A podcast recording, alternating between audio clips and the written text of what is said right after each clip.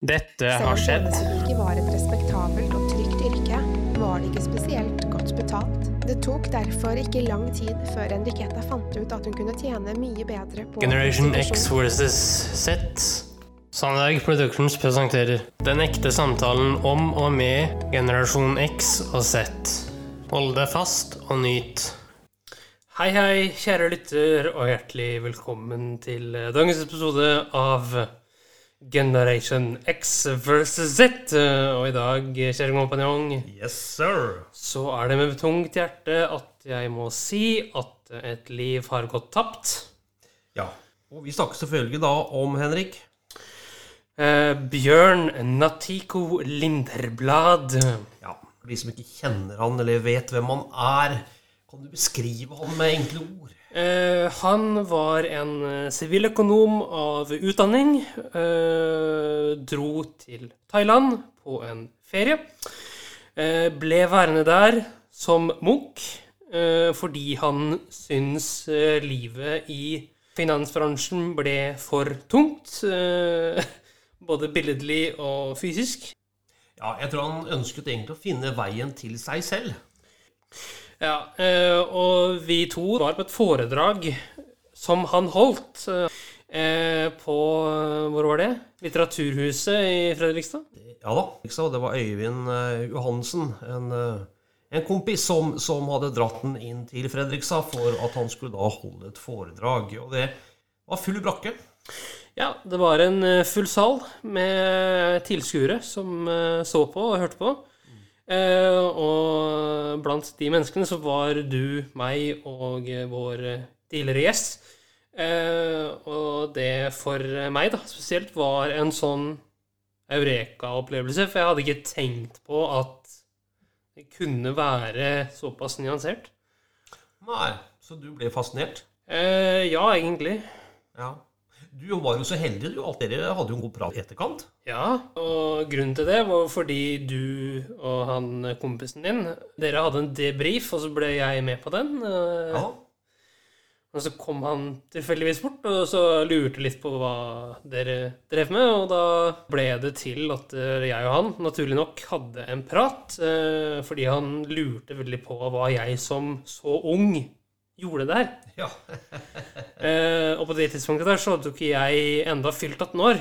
Eh, Det skal sies. Skal vi høre litt fra han? Ja, eh, vi kan bare rive av plasteret. Vi kan eh, rett og slett eh, ta en side fra TV4 Nyhetene. Ja. Eh, Det var en reportasje som ble sendt 17. januar 2022. Altså på dagen han døde. Om hvordan han døde, og hva han led av. Eh, For han døde ganske ung. Eh, Med det så tenker jeg bare vi spiller av den reportasjen. eh, Og river av det plasteret. Jeg tror vi gjør det. ja. Den tidigare buddhistmunken och näringslivschefen Björn Nattiko Lindeblad är död. Nu på morgonen så postades ett inlägg på hans sociala medier där han skriver att han valt att avsluta sitt liv omgiven av nära och kära. Detta efter att han kämpat länge mot den dödliga sjukdomen ALS. Björn Nattiko Lindeblad blev 60 år gammal. Han blev ju känd för sitt sommarprat under 2020 och där berättade han ju själv då om hur han hjälpte sin svårt sjuka pappa att dö vid en klinik i Schweiz eh, eftersom assisterat självmord är olagligt i Sverige. Att välja att ta sitt liv däremot, det är lagligt och frågan är väl då vart den här gränsen går. Vi på TV4 Nyheterna har varit i kontakt med läkaren Staffan Bergström som skrev ut preparaten till Björn Nattiko Lindeblad och som berättar om diskussionen som han och de två hade tillsammans innan det här beslutet. Det är ju så med alla ALS-patienter att de har till slut kan de inte andas och kan inte röra sig och så vidare och eh, det gjorde att han var tidigt klar med att han ville ha dödshjälp. Och då vände han sig till mig då som ordförande i RTVD, Rätten till en värdig död. Och eh, vi träffades och eh, han eh, la upp sina planer och jag eh, styrkte, tillstyrkte naturligtvis som vi gör inom RTVD i möjligaste mån och eh, ordnade med de praktiska detaljerna så att han kunde avsluta sitt liv då igår den 17 eh, januari. Andemeningen i lagen är ju ändå att eh, dödshjälp inte är tillåtet. Ja, just det. Men det är inte eh, olagligt att avsluta sitt liv och den, eh, den har ju, eh, lagen har ju funnits under lång, lång tid så att varken eh, att avsluta sitt liv själv eller att få hjälp att avsluta sitt liv eh, är eh, kriminellt i det här landet eh, till, till skillnad från andra länder i närheten, till exempel Danmark, där är det inte tillåtet. Eh, Så att eh, man begår ingen olaglig handling om man som läkare skriver ut och överlämnar starka sömnmedel eh, till en eh, man som då Björn Lindeblad som han intar själv. Men man får inte aktivt som läkare injicera eller eh, delta i själva akten att svälja. Det är väldigt viktigt. Jag måste fråga dig, utnyttjar inte du en teknikalitet egentligen? Alltså alla Nej. förstår ju att dödshjälp Nej. är tillåtet. Mm, Gränsen är ju väldigt klar. Jag var ju själv inblandad i en liknande situation i juli 2020. Det var ju också en ALS-sjuk man i Stockholm. Och jag hade kollat väldigt noga innan att eh, ge den här drogen till, överlämna drogen för att sväljas eh, är helt enligt lagen. Eh, man får inte eh, så säga, aktivt eh, delta i själva sväljandet eller tillförseln av, av eh, medlet, läkemedlet.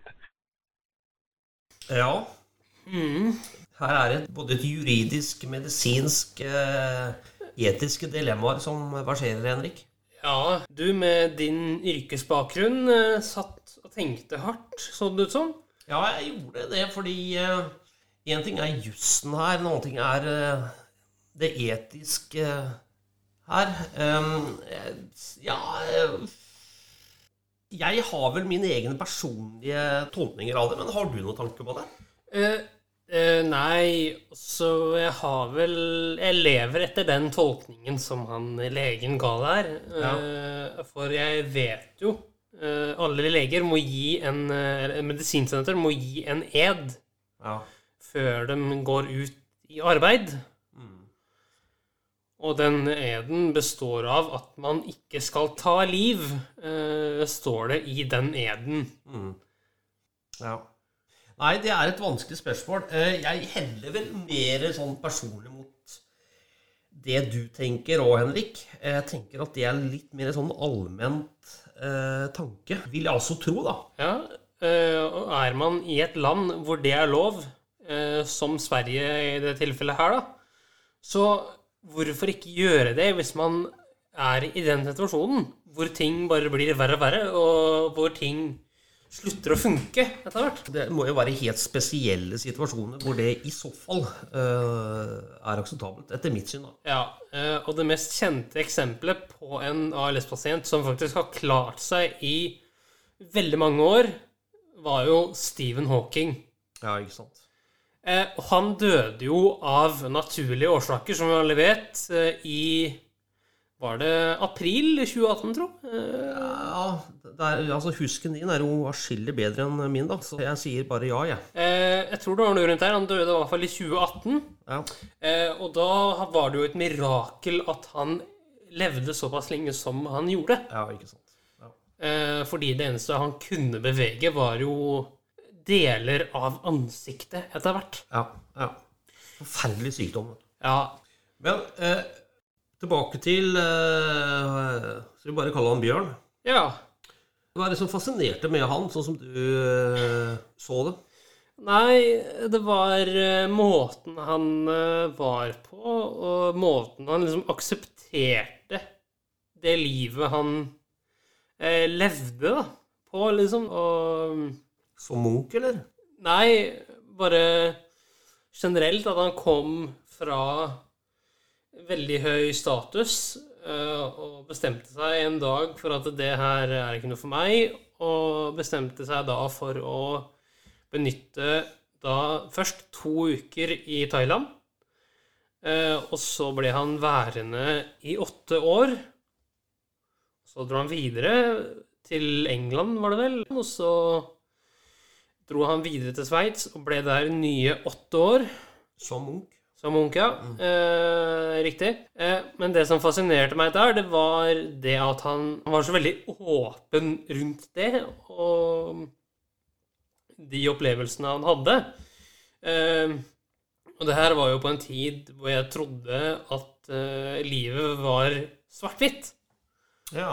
Eh, I den forstand at jeg trodde at det man fikk, var det man hadde. Ok. Den opplevelsen var en opplevelse hvor jeg fant ut at nei, det er ikke sånn eh, at det man får tildelt, er det man har. Eh, Det var det jeg fikk ut av det. Ja. Hva betyr det i praksis? Nei, altså det betyr at man har eh, muligheter da, til å endre eget liv. I hvert fall litt fra sånn jeg skjønte det. Eh, Og det er veldig drastisk. Ja. Du er en stor tenker, Henrik. Ja, men eh, jeg vet det. Men eh, hva fikk du ut av det foredraget vi var på?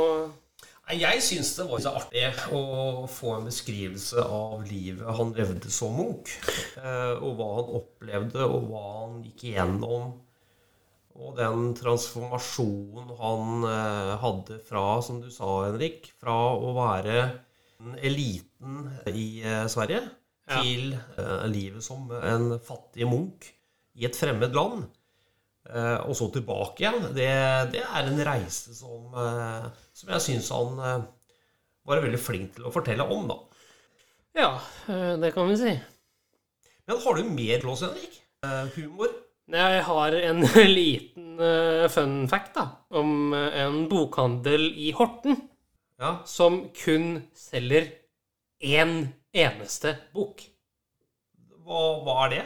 Det er en Jeg tror det er en selvhjelpsbok av han derre Bjørn, da. Ja. Så eh, sjekk ut eh, den bokhandleren hvis du er i Horten-området i Norge. Ja. Jeg kan legge ut det på Facebook-siden vår hvis det er av interesse. ja. Artig, artig fanfacts. Men jeg er ikke ferdig. Hva er det du skal nå? Nå skal jeg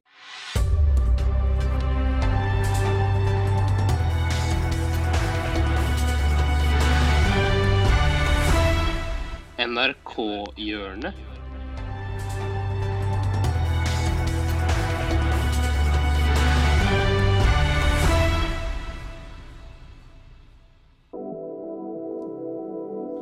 Ja da, Ja, da vi er der. Vi er der. Eh, vi må ha litt mer, sa du. Ja, litt mer. Og det er Eh, når du spiser taco, kjære kompanjong, Yes. hva spiser du med? Spiser med. Jeg Eh, spiser med munn, da. utenom det, da. Jeg bruker henda. Nå skal vi til en veldig rar måte å spise taco på. Ja. Men vent litt nå. Før du tar den. Ja. Vi kommer ikke utenom den diskusjonen som vi alltid har, Henrik. Det er Jeg har alltid ananas på. Det vil overhodet ikke du ha. Nei. Akkurat som pizzaen, ikke sant? Eh, Men greit, jeg gir meg. Jeg uh, hører hva spiseformen er, Henrik. ja. Herregud, så befriende det er, og så bra at en så stor stjerne som henne tar en sånn stand og setter litt fokus på det jeg syns er liksom veldig viktig, og som vi ofte glemmer, fordi nå er det så mye filtre overalt, og Kate Winslet er eh, kul. Jeg har ikke lyst til å være noe dårligere. Hva er det du tenker på? I dag, på en fredag, eh, vil jeg fortelle at eh, jeg spiser taco med kniv og gaffel. Og det Det er bare Liksom Det er så teit. Jo, men det er meg, og det kan ingen ta fra meg. Ja, det er et tacopress. Jeg sammenligner ikke meg med Kate Winslet på noen som helst Nei, måte. nei. Håper at du en dag skal spille i en stor norsk kinofilm, og så er det en scene der du Mm. Jeg skal også. lage taco. eh, og så er regissøren sånn Adelina, du, hva er det du driver med? Du må ikke spise med kniv og gaffel. Kutt. Ikke retusjer meg! Jeg går inn og bare Dere våger.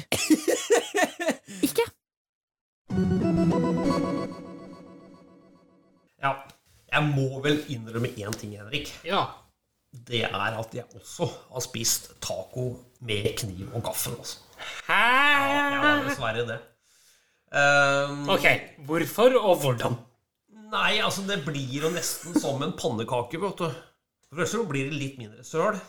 Ja. Og så kan du eh, liksom velge å vrake litt mer på gaffelen. da. Så tar du alltid struta, så vet du ikke nøyaktig helt hva du får akkurat der og da. Så, Nei.